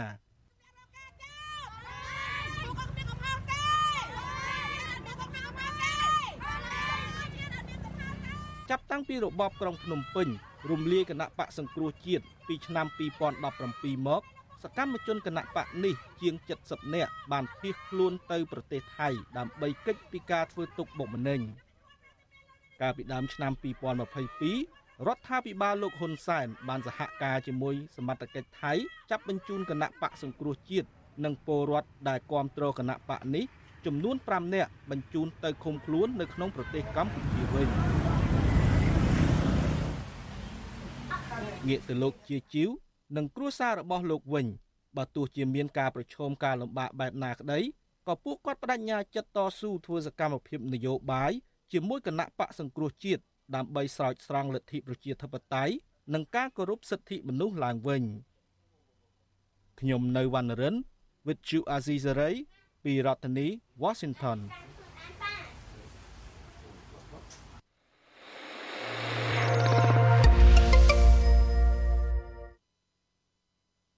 ចចាលោកនាងកញ្ញាប្រិមិត្តជាទីមេត្រីចាងាកមកព័ត៌មានដាច់ដោយឡែកមួយទៀតចាអង្គការសង្គមស៊ីវិលបារម្ភពីស្ថានភាពសេដ្ឋកិច្ចនៅកម្ពុជា ថាអាចប្រឈមនឹងកំណើនអតិផរណាបន្ទាប់ពីអគ្គនាយកដ្ឋានពន្ធនាគារចាអគ្គនាយកដ្ឋានពន្ធដារបង្ហាញរបាយការណ៍ថាកម្ពុជាប្រមូលពន្ធកើនឡើង27%នៅក្នុងឆ្នាំ2022ពួកគាត់លើកឡើងថាកំណើនអតិផរណា ឬទំនិញឡើងថ្លៃលុយចុះថោកនេះ ធ្វើឲ្យជីវភាពរបស់ពលរដ្ឋកាន់តែធ្លាក់ចុះទៅក្នុងបន្ទាត់ក្រីក្រ ស្របពេលដែលកម្ពុជាកំពុងតែមានអតិផរណាស្រាប់ចាអ្នកវិភាគយល់ឃើញថាកម្ពុជា គួរតែប្រាស់ប្រាស់ថវិកាដ៏ច្រើនដែលបានមកពីការប្រមូលពន្ធនេះដើម្បីអភិវឌ្ឍប្រទេសឲ្យមានតុល្យភាពចាជៀសវាងការខ្ចីបុលបន្ថែមពីបរទេសចាលោកលេងម៉ាលីរាយការណ៍ព័ត៌មាននេះសេចក្តីប្រកាសរបស់អគ្គនាយកដ្ឋានពន្ធដារឆ្នាំ2022បង្ហាញថា ចាប់ពីខែមករាដល់ខែសីហាអគ្គនាយកដ្ឋានបានប្រមូលពន្ធចូលជាតិសរុបជាង2400លានដុល្លារមានការកើនឡើង ជាង27%ធៀបនឹងឆ្នាំមុនទំហំថវិកាដែលសម្រេចបាននេះគឺស្មើនឹងជាង86%នៃផែនការប្រចាំឆ្នាំ2022របាយការណ៍នេះបានបង្កជាក្តីព្រួយបារម្ភដល់អង្គការសង្គមស៊ីវិលពីស្ថានភាពជីវភាពប្រជាពលរដ្ឋនិងកំណើនអតិផរណា ប្រធានសមាគមប្រជាធិបតេយ្យឯករាជ្យនៃសេដ្ឋកិច្ចក្រៅប្រព័ន្ធលោកវុនពៅប្រាវិទ្យុអស៊ីសេរីនៅថ្ងៃទី19កញ្ញាថាកំណើនពន្ធដារស្របពេលដែលអតិផរណាហក់ឡើងខ្ពស់ដូចនេះជាសញ្ញាអាក្រក់ដែលនាំឲ្យទំនិញលើទីផ្សារកាន់តែថ្លៃលោកថាការប្រមូលពន្ធដារកើនឡើង ជាសញ្ញាមួយបង្ហាញថាសេដ្ឋកិច្ចមានការរីកចម្រើនប៉ុន្តែរបាយការណ៍ដែលក្រសួងសេដ្ឋកិច្ចបានប្រកាសនេះ ហាក់មិនមានភាពស៊ីសង្វាក់គ្នាជាមួយស្ថានភាពជីវភាពជាក់ស្ដែងរបស់ពលរដ្ឋឡើយលោកបន្ថែមទៀតថាបច្ចុប្បន្នប្រជាពលរដ្ឋកម្ពុជាកំពុងធ្លាក់ចូលទៅក្នុងបន្ទាត់នៃភាពក្រីក្រកាន់តែមានចំនួនកើនឡើង មានប្រាក់ចំណូលទាបស្របពេលកម្ពុជាកំពុងតែមានអតិផរណាផងនោះហើយ អញ្ចឹងខ្ញុំគិតថាវាហាក់ដូចជាវាអត់ស៊ីគ្នាមិនរបាយការណ៍រវាងរដ្ឋកកយហើយនិងរបាយការណ៍ក្រសួងសេដ្ឋកិច្ចរាជខោដែលជាស្នាដិការរបស់រដ្ឋាភិបាលនោះវាហាក់ដូចជាមិនស៊ីគ្នាមិនហើយថាវិការជាតិនៅតែខ្វះជារៀងរាល់ឆ្នាំអាហ្នឹងខ្ញុំគិតថាវាជារឿងមួយដែលខ្ញុំកំពុងតែមានចងល់អញ្ចឹងដែរវាហេតុអីរបាយការណ៍ធនាគារពិភពលោកឆ្នាំ2022នេះបង្ហាញថាពលរដ្ឋខ្មែរជិត2លាននាក់បានធ្លាក់ខ្លួនក្រីក្រដោយសារតែវិបត្តិជំងឺ Covid-19 ក្នុងឆ្នាំ2020 ធ្វើឲ្យចំនួនអ្នកក្រនៅកម្ពុជានឹងកើនឡើងដល់4លាននាក់ក្នុងចំណោមពលរដ្ឋសរុបជាង15លាននាក់អ្នកជំនាញផ្នែកវិទ្យាសាស្ត្រនយោបាយលោកអែមសវណ្ណារាលើកឡើងថាកំណើននៃការប្រមូលពន្ធចូលជាតិទំនងមិនមែនជាមូលហេតុដែលនាំឲ្យមានអតិផរណានោះទេតែទោះជាយ៉ាងនេះក្តីលោកយល់ឃើញថាក្នុងពេលកម្ពុជាកំពុងមានកំណើនអតិផរណាផងនោះរដ្ឋាភិបាលគួរគ្រប់គ្រងនិងស្ដារស្ថានភាពសេដ្ឋកិច្ចប្រទេសឡើងវិញលោកថាក្នុងនោះ រដ្ឋាភិបាលត្រូវកាត់បន្ថយការខ្ចីប្រាក់ពីបរទេសនិងគ្រប់គ្រងខ្ទង់ចំណាយថវិកាជាតិឲ្យបានត្រឹមត្រូវ។យើងពិនិត្យថាខ្ទង់ចំណាយនេះវាបានអនុវត្តតាមផែនការដែលបានលើកឡើងពិតប្រាកដឬក៏មិនបានបើសិនជាអនុវត្តបានផែនការបានពិតប្រាកដអានេះទើបយើងអាចថាការអនុវត្តហ្នឹងវាអាចត្រឹមត្រូវតាមគោលដៅឬក៏ផែនការក៏ប៉ុន្តែបើសិនជាផែនការវានៅការងារវានៅសល់ហើយលុយវាអស់ចាំបានថាការចំណាយហ្នឹងខ្វះតម្លាភាពហើយ វិទ្យុអសិសរីមិនអាចតកតងទេសាភិបាលធនាគារជាតិនៃកម្ពុជា លោកជាចន្ទោនិងអគ្គនាយកនៃអគ្គនាយកដ្ឋានពន្ធដារលោកគង់វិបុលដើម្បីសុំការបកស្រាយពីក្តីបារម្ភនេះបានទេ នៅថ្ងៃទី19កញ្ញានេះពន្ធគឺជាថ្លៃសេវាពលរដ្ឋគ្រប់រូបឬស្ថាប័នពាក់ព័ន្ធត្រូវបង់ជូនរដ្ឋដើម្បីរួមចំណែកការពារនិងអភិវឌ្ឍមាតុភូមិក្នុងរយៈពេលប្រមាណឆ្នាំចុងក្រោយនេះ ប្រភេទពន្ធថ្មីផ្សេងទៀតជាច្រើន បានបង្កើតឡើងនៅកម្ពុជា ដូចជាពន្ធលើប្រាក់បៀវត្សនិងពន្ធលើអចលនទ្រព្យជាដើមចំណូលដែលបានទទួលមកពីការបង់ពន្ធនឹងត្រូវយកទៅប្រើប្រាស់នៅក្នុងកិច្ចការដ៏ចាំបាច់ដូចជាបើកប្រាក់បៀវត្សឲ្យមន្ត្រីរាជការទាហានកម្លាំងប្រដាប់អាវុធការពារជាតិសាងសង់ហេដ្ឋារចនាសម្ព័ន្ធសាលារៀនផ្លូវថ្នល់មន្ទីរពេទ្យនិងសេវាសុខាភិបាលសាធារណៈជាដើមទាក់ទិនរឿងនេះ ស្ថាបនិកចលនាមេដាធម្មជាតិលោក Alex Gonzalez Davidson លើកឡើងថាទោះបីលោកមិនសូវមានការជឿជាក់លើរបាយការណ៍របស់អគ្គនាយកដ្ឋានពន្ធដារក៏ពិតមែនប៉ុន្តែតួលេខនេះបង្ហាញឲ្យឃើញថារដ្ឋាភិបាលលោកហ៊ុនសែនគិតគូររឿងប្រមូលលុយចូលជាតិជាជាងជួយប្រជារាស្ត្រលោកបន្តថាអ្វីដែលរដ្ឋាភិបាលគួរធ្វើគឺការយកចិត្តទុកដាក់លើការស្ដារប្រទេសឡើងវិញក្រោយពីវិបត្តិជំងឺ Covid-19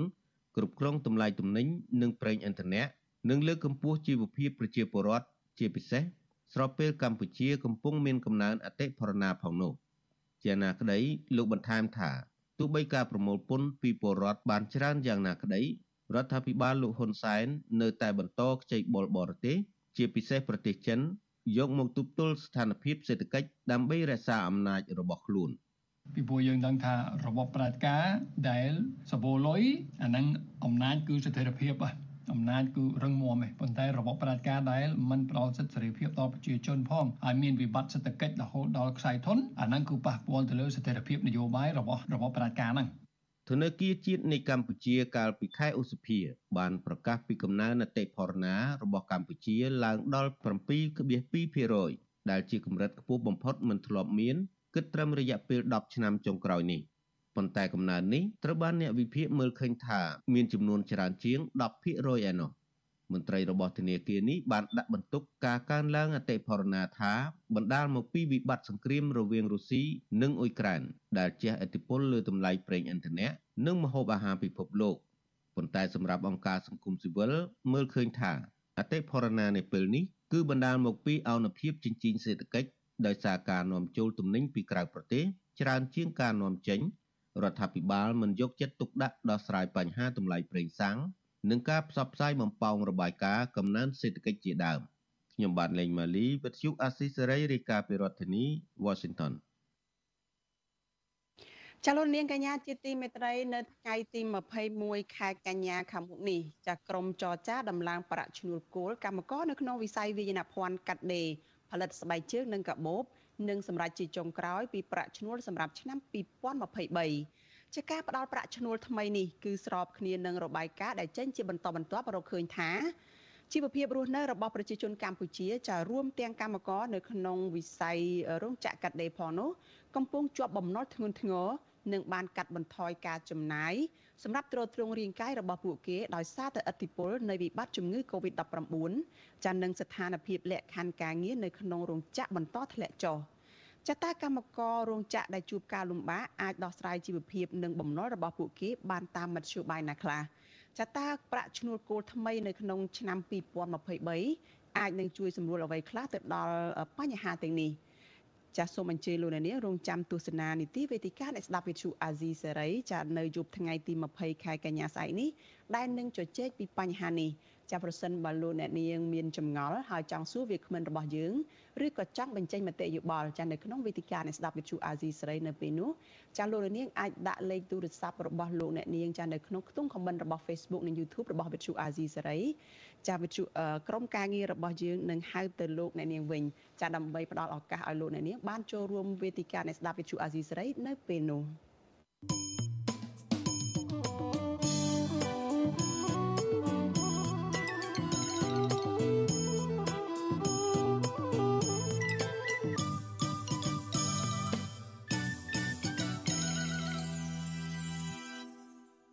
ចាលោកនាងកញ្ញាជាទីមេត្រីចានៅក្នុងឱកាសនេះដែរចានាងខ្ញុំសូមថ្លែងអំណរគុណដល់លោកអ្នកនាងដែលតែងតែមានភក្ដីភាពចំពោះការផ្សាយរបស់យើងចាហើយចាត់ទុកការស្ដាប់វិទ្យុអាស៊ីសេរីនេះគឺជាផ្នែកមួយនៃសកម្មភាពប្រចាំថ្ងៃរបស់លោកអ្នកនាង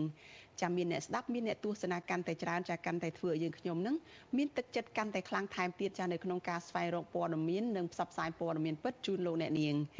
ចាការគ្រប់គ្រងរបស់លោកអ្នកនាងនេះហើយដែលធ្វើឲ្យយើងខ្ញុំកាន់តែស្វាហាប់និងមោះមុតជាបន្តទៅទៀតចាសសូមអរគុណលោកអ្នកនាងទុកជាមុនហើយក៏សូមអញ្ជើញលោកអ្នកនាងចូលរួមជំរុញឲ្យការផ្សាយរបស់វិទ្យុអាស៊ីសេរីយើងនេះចាកាន់តែជោគជ័យថែមទៀតចាលោកអ្នកនាងអាចជួយយើងខ្ញុំបានដោយគ្រាន់តែចុចចែករំលែកការផ្សាយរបស់យើងចានៅលើបណ្ដាញសង្គម Facebook និង YouTube ទៅកាន់មិត្តភ័ក្តិរបស់លោកអ្នកនាងចាដើម្បីឲ្យការផ្សាយរបស់យើងនេះបានទៅដល់មនុស្សកាន់តែច្រើន ចលនានាងកញ្ញាប្រិយមិត្តជាទីមេត្រីចាព័ត៌មានតកតងនឹងចំនួនដីធ្លីនៅឯខេត្តកោះកុងឯណោះវិញ ចាពលរដ្ឋប្រមាណ500នាក់ចាតំណាងឲ្យពលរដ្ឋជិត1000នាក់មកពីឃុំចំនួន5បានប្រមូលផ្ដុំគ្នាដាក់ញត្តិស្នើសុំឲ្យអាជ្ញាធរឃុំនៅក្នុងស្រុកស្រែអំបិលរកដំណោះស្រាយដីធ្លីសមរម្យជូនពួកគាត់សង្គមស៊ីវិលយល់ថារដ្ឋាភិបាលត្រូវធានានៅសិទ្ធិរស់រានរបស់ប្រជាពលរដ្ឋតាមរដ្ឋធម្មនុញ្ញនិងគួរផ្ដល់ដីសម្បត្តិសង្គមគិច្ចទៅដល់ប្រជាពលរដ្ឋក្រីក្រចាលោកសនច័ន្ទរដ្ឋារាយការណ៍ព័ត៌មាននេះ តំណាងប្រជាប្រដ្ឋមានចំនួនដូចគ្នានៅស្រុកស្រែអំបិលអះអាងថាពួកគេដាក់ញត្តិចំនួន2ស្នើសុំអាជ្ញាធរមូលដ្ឋានជួយដោះស្រាយដីសម្បត្តិសង្គមគិច្ចដល់ប្រកគ្មានទីជម្រករនៅគ្មានដីធ្វើកសិកម្មហើយស្នើរក្សាផែនទីភូមិសាស្ត្ររដ្ឋបាលចាស់រវាងភូមិប្រជាឃុំជាខក្រោមនិងភូមិឈុកឃុំជាខលើស្រុកស្រែអំបិលខេត្តកកុងឲ្យនៅស្ថានភាពដូចមុនដដែលដំណាងពលរដ្ឋបញ្ជាក់ថាប្រកាសសុទ្ធសឹងតែជាប្រកក្រីក្ររស់នៅក្នុងស្រុកស្រែអំបិលអស់រយៈពេលច្រើនឆ្នាំមកហើយប៉ុន្តែការរស់នៅប្រកបរបរចិញ្ចឹមជីវិត គឺមានភាពលំបាកខ្លាំងដោយសារពលរដ្ឋមួយចំនួនស៊ីឈ្នួលចាំចំការឲ្យគេហើយខ្លះសំដីគេដើម្បីសំផ្ទះស្នាក់នៅបណ្ដោះអាសន្នហើយពលរដ្ឋខ្លះទៀតមានដីស្រែចំការមកទេបន្ទួចហើយសមាជិកគ្រួសារច្រើនមិនអាចគ្រប់គ្រងជីវភាពបានទេរហូតត្រូវបង្ខំចិត្តឲ្យកូនកូនបបង់ការសិក្សាដើម្បីរកទីជម្រកហើយជួយគ្នារកប្រាក់ដោះស្រាយជីវភាពគ្រួសារតំណាងប្រជាប្រដ្ឋនៅស្រីផាយើងប្រាវិទ្យាអេស៊ីស្រីថ្ងៃទី19កញ្ញាថាប្រដៃខ្វះខាតដីលំនៅឋានហើយដីកសិកម្មមកប្រមូលគ្នាដាក់ញត្តិទៅអាជ្ញាធរតាមឃុំចំនួន5 រួមមានឃុំជាខក្រោមឃុំជាខលើឃុំដងប៉ែងឃុំបឹងព្រាវនិងឃុំស្រាមបលនៅក្នុងស្រុកស្រាមបលខេត្តកកុងសរុបជិត1000នាក់អ្នកស្រីបន្តថាប្រស្នាសមញ្ញាធរគុំផ្លាស់ប្ដូរព្រំប្រទល់ភូមិសាស្ត្ររដ្ឋបាលចាស់រវាងភូមិប្រជិកឃុំជាខក្រោមនិងភូមិឈូកឃុំជាខលើដោយសារប្រជុំការលំបាកពេលទទួលសេវារដ្ឋបាលម្ដងម្ដងអ្នកស្រីបន្តទៀតថាកន្លងមកបរដ្ឋធ្លាប់ទៅស្នើសុំថ្នាក់ជាតិប៉ុន្តែអាជ្ញាធរបានណែនាំឲ្យពួកគាត់ស្នើសុំអាជ្ញាធរមូលដ្ឋានរស់នៅវិញ។ចា ដោយសារតែមានការណែនាំពីខុតកាលឲ្យសម្ដេចថាឃុំណាប្រជាពលរដ្ឋរស់នៅឃុំណាសូមឲ្យដាក់ញត្តិទៅឃុំនឹងទៅអញ្ចឹងទៅបានគាត់រៀបចំឯកសារយកមកដាក់នឹងអូនដោយសារតែគាត់អត់យល់អំពីនីតិវិធីឬក៏អីដែរគាត់គិតថាកម្មវត្ថុនៃការស្នើសុំដីសន្តិគុំកិច្ចប្រហែលជាមានតែរដ្ឋាភិបាលមួយទេដែលជាអាចជាអ្នកដាក់ឲ្យដោះឲ្យគាត់អីចឹងណាក៏គាត់បានដាក់សាលាស្រុកសាលាខេត្តដែរតែអ្នកទាំងពីរហ្នឹងនៅតែឆ្លើយថាពួកគាត់មិនមានសមត្ថកិច្ចក្នុងការដោះស្រាយឲ្យបានទេតតែថ្នាក់ជាតិដោះស្រាយបានបានទៅសហជាតិបានប្រាប់គាត់ថាមកដាក់នៅតាមឃុំមកអញ្ចឹងបានពួកគាត់ដាក់តាមឃុំហ្នឹង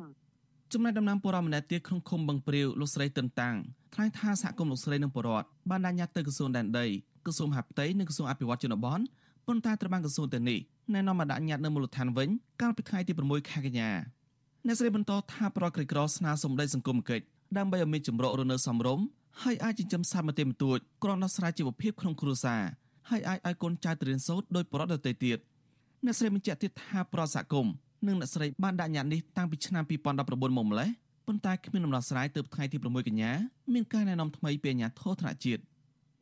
ពិបាកណាបើសិនជានិយាយរួមទៅវាពិបាកនិយាយបើសិនជាគាត់ជាអាជ្ញាធរនោះគាត់ចុះទៅពិនិត្យមើលតាមភូមិឃុំគឺវាស្រួលល្អបងគឺពួកខ្ញុំអត់មានដីធ្វើផ្ទះផងខ្លះហ្នឹងគាត់តែបានគ្រួសារទៅក៏នាំគ្នាទៅជួលផ្ទះនៅក្រុងធ្វើការរោងចក្រអីចឹងទៅហើយគឺអត់មានអីដែលថាចង់ចាំងន់ទៀតអំប្លែនៅផ្ទះជួបជុំគ្រួសារគឺអត់បានហ្មងចឹងណាដំណាងប្រជាប្រដ្ឋលើកឡើងថាការដាញ៉ាតនៅតាមឃុំស្រុកស្រាំបលមានឃុំមួយចំនួនមិនព្រមទទួលយកញ៉ាតរបស់ពួកគាត់ទេ ដោយចាប់ប្រកាន់ថាបានប្រមូលផ្ដុំគ្នាដោយខុសច្បាប់ប៉ុន្តែឃុំជាខលើនិងឃុំដងពេងបានឲ្យប្រកាសតម្រូវឯកសារមួយចំនួនហើយដាក់មកសាច់ជាថ្មីវិទ្យុអេស៊ីសេរីមិនតន់អាចតតមេឃុំជាខក្រោមលោកអានទីនិងមេឃុំបឹងព្រាវលោកខឹមផៅនិងអភិបាលស្រុកស្រាមបលដើម្បីសូមអត្ថាធិប្បាយអំពីរឿងនេះបាននៅឡើយទេដោយលោកអះអាងថាលោកជាប់រវល់ជុំវិញរឿងនេះមន្ត្រីសម្របសម្រួលនៃសមាគមសម្ព័ន្ធសហគមន៍កសិករកម្ពុជាលោកញិលភៀប យល់ឃើញថារដ្ឋាភិបាលត្រូវយកចិត្តទុកដាក់ចំពោះប្រជាពលរដ្ឋជួបបញ្ហារនៅដោយសាររដ្ឋត្រូវធានាឲ្យប្រជាពលរដ្ឋនៅសិទ្ធិក្នុងការរស់រានមានជីវិតស្របតាមរដ្ឋធម្មនុញ្ញលោកបន្តថាអាញាធរត្រូវរកដំណោះស្រាយហើយកំពីដល់ប្រជាក្រីក្រទទួលបានដីរនៅសមរម្យលោកបន្តទៀតថាកន្លងមកសមាគមរបស់លោកតែងជួយសម្រួលដល់ប្រជាពលរដ្ឋនៅស្រុកសាអំបលដែលគ្មានដីធ្លីក្នុងការប្រកបរបរនិងធ្វើទីលំនៅដើម្បីជួយលើកកម្ពស់ជីវភាពរស់នៅរបស់ប្រជាពលរដ្ឋតាមរយៈការបង្រៀនបច្ចេកទេសចិញ្ចឹមសត្វផ្សេងៗ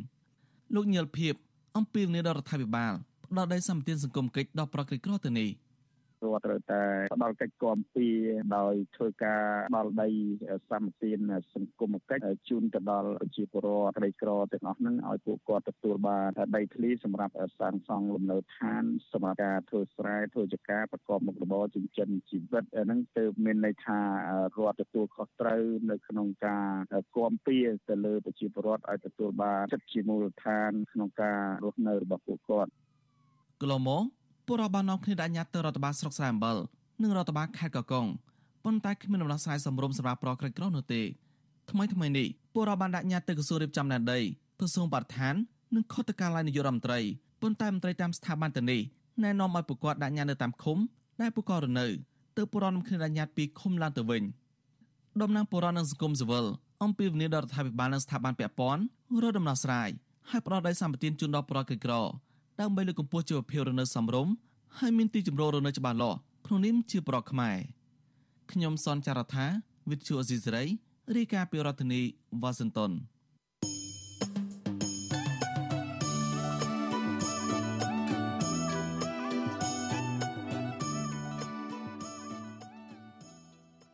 ចាលោកនាងជាទីមេត្រីចាក្រៅពីតាមដានការផ្សាយរបស់វិទ្យុអាស៊ីសេរីចាតាមរយៈបណ្ដាញសង្គម Facebook YouTube និង Telegram ចាលោកនាងក៏អាចតាមដានការផ្សាយរបស់យើងចាតាមរយៈបណ្ដាញសង្គម Instagram តាមរយៈអាសយដ្ឋាន instagram.com/rfa ខ្មែរចាវិទ្យុអាស៊ីសេរីខិតខំផ្សព្វផ្សាយព័ត៌មានពិតទៅកាន់លោកអ្នកនាងតាមរយៈបណ្ដាញសង្គមផ្សេងផ្សេង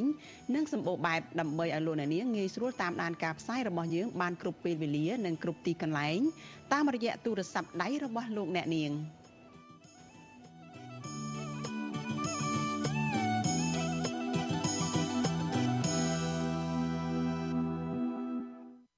ចាលោកនាងកញ្ញាប្រិយមិត្តជាទីមេត្រីចាលោកអ្នកកំពុងតែតាមដានការផ្សាយរបស់វិទ្យុអាស៊ីសេរីចាប់ផ្សាយចេញពីរដ្ឋធានី Washington សហរដ្ឋអាមេរិកចាព័ត៌មានតកតូននឹងសុខភាពវិញម្ដង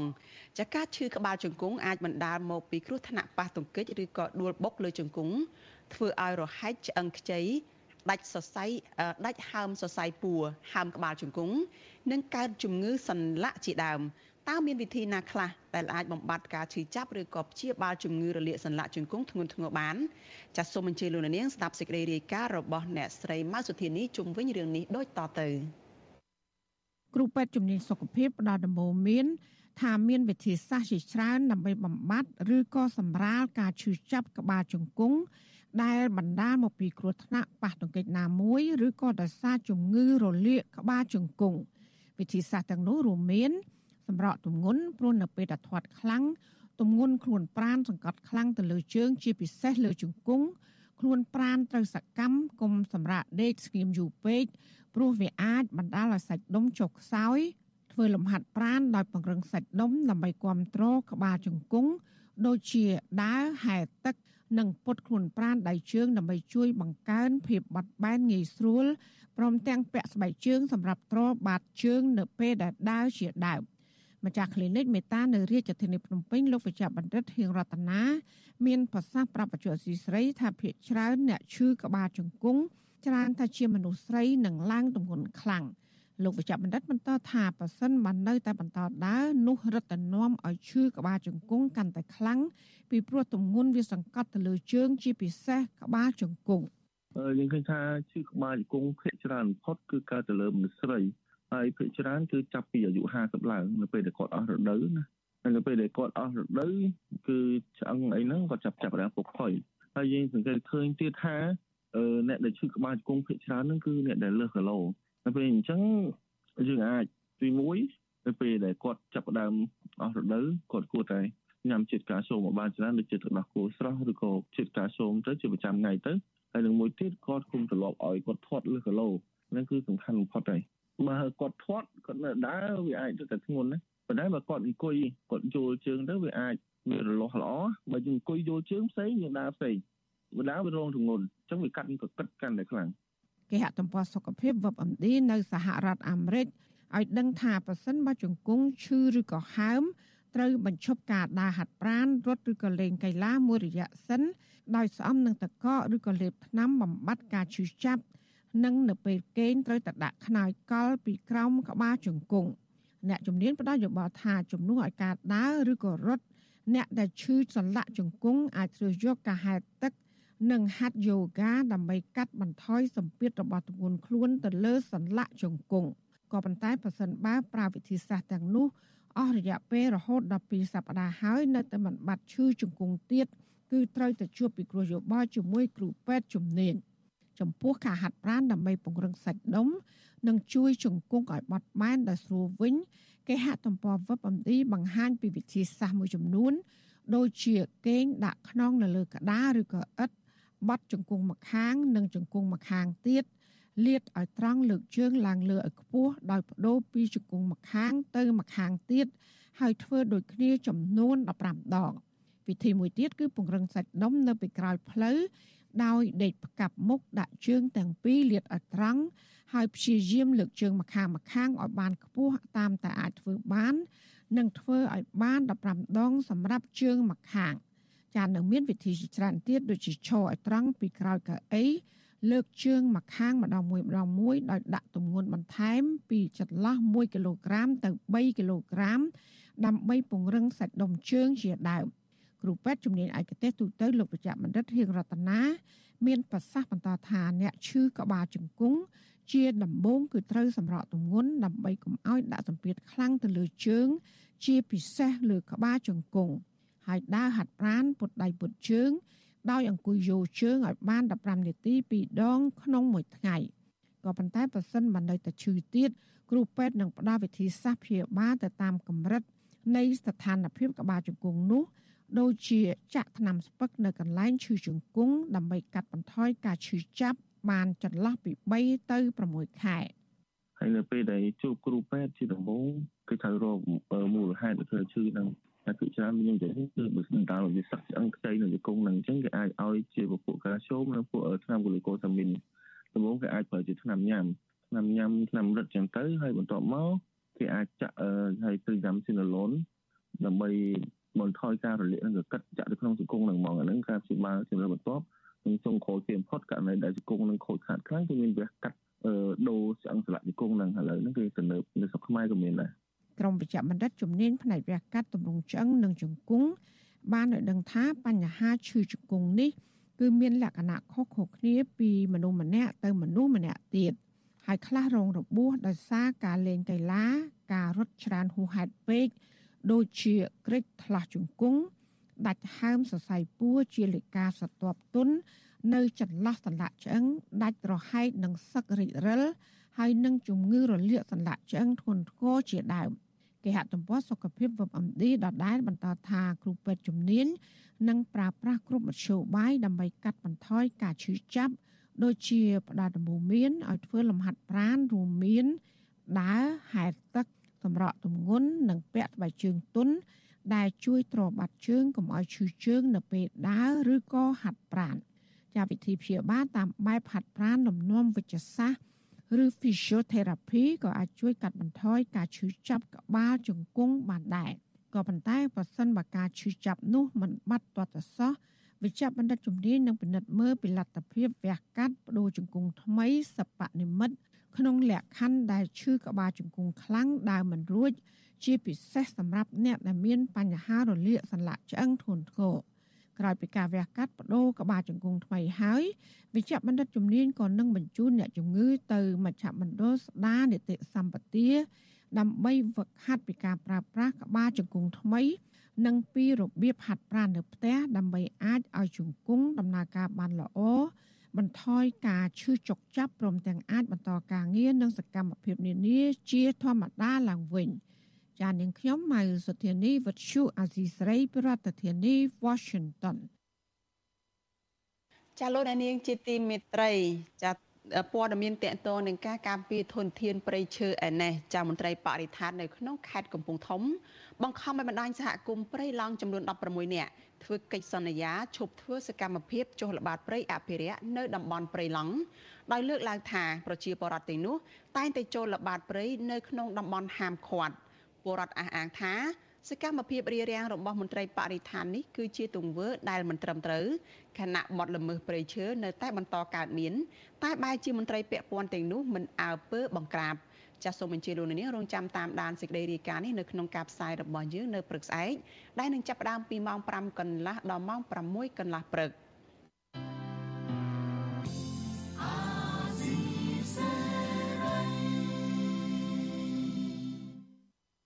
ចាលោកនាងកញ្ញាជាទីមេត្រីចាសម្រាប់លោកនាងដែលកំពុងតែតាមដានការផ្សាយរបស់ Vithu Azizi សេរីចានៅលើរលកធាតុអាកាសខ្លីចា Vithu Shortwave SW ចាមិនលឺការផ្សាយរបស់យើង ជាបន្តទៅទៀតទេចាហើយនៅក្នុងពេលបន្តិចទៀតចាគឺនៅម៉ោង8:30នាទីបន្តិចទៀតនេះចាប៉ុន្តែចំពោះលោកអ្នកនាងដែលកំពុងតែតាមដានការផ្សាយរបស់យើងចានៅលើបណ្ដាញសង្គម Facebook និង YouTube ចាសូមបន្តតាមដានការផ្សាយរបស់យើងជាបន្តទៅទៀតហើយនៅក្នុងកម្មវិធីជាបន្តទៅទៀតនេះយើងនឹងមានសម្ភារផ្ទាល់មួយចាតកតងទៅនឹងការធ្វើបាតុកម្មរបស់ពលរដ្ឋខ្មែរអាមេរិកាំង ចាគណៈបកសង្គ្រោះជាតិនឹងដឹកនាំពលរដ្ឋខ្មែរអាមេរិកាំងប្រមាណ3នាក់ធ្វើបាតុកម្មជាទ្រង់ទ្រាយធំនៅថ្ងៃទី23ខែកញ្ញាខាងមុខនេះខណៈដែលលោកយមត្រីហ៊ុនសែននឹងមកចូលរួមកិច្ចប្រជុំអង្គការសហប្រជាជាតិនៅបូរីញូវយ៉កតែការធ្វើបាតុកម្មនេះចាធ្វើឡើងនៅក្នុងទម្រង់បែបណា ហើយនៅក្នុងគោលបំណងអ្វីខ្លះចាសសូមអញ្ជើញលោកអ្នកនាងរងចាំតាមដានបទសម្ភាសន៍របស់យើងនៅពេលបន្តិចទៀតនេះចាសកម្មវិធីជាបន្តទៅទៀតនេះចាស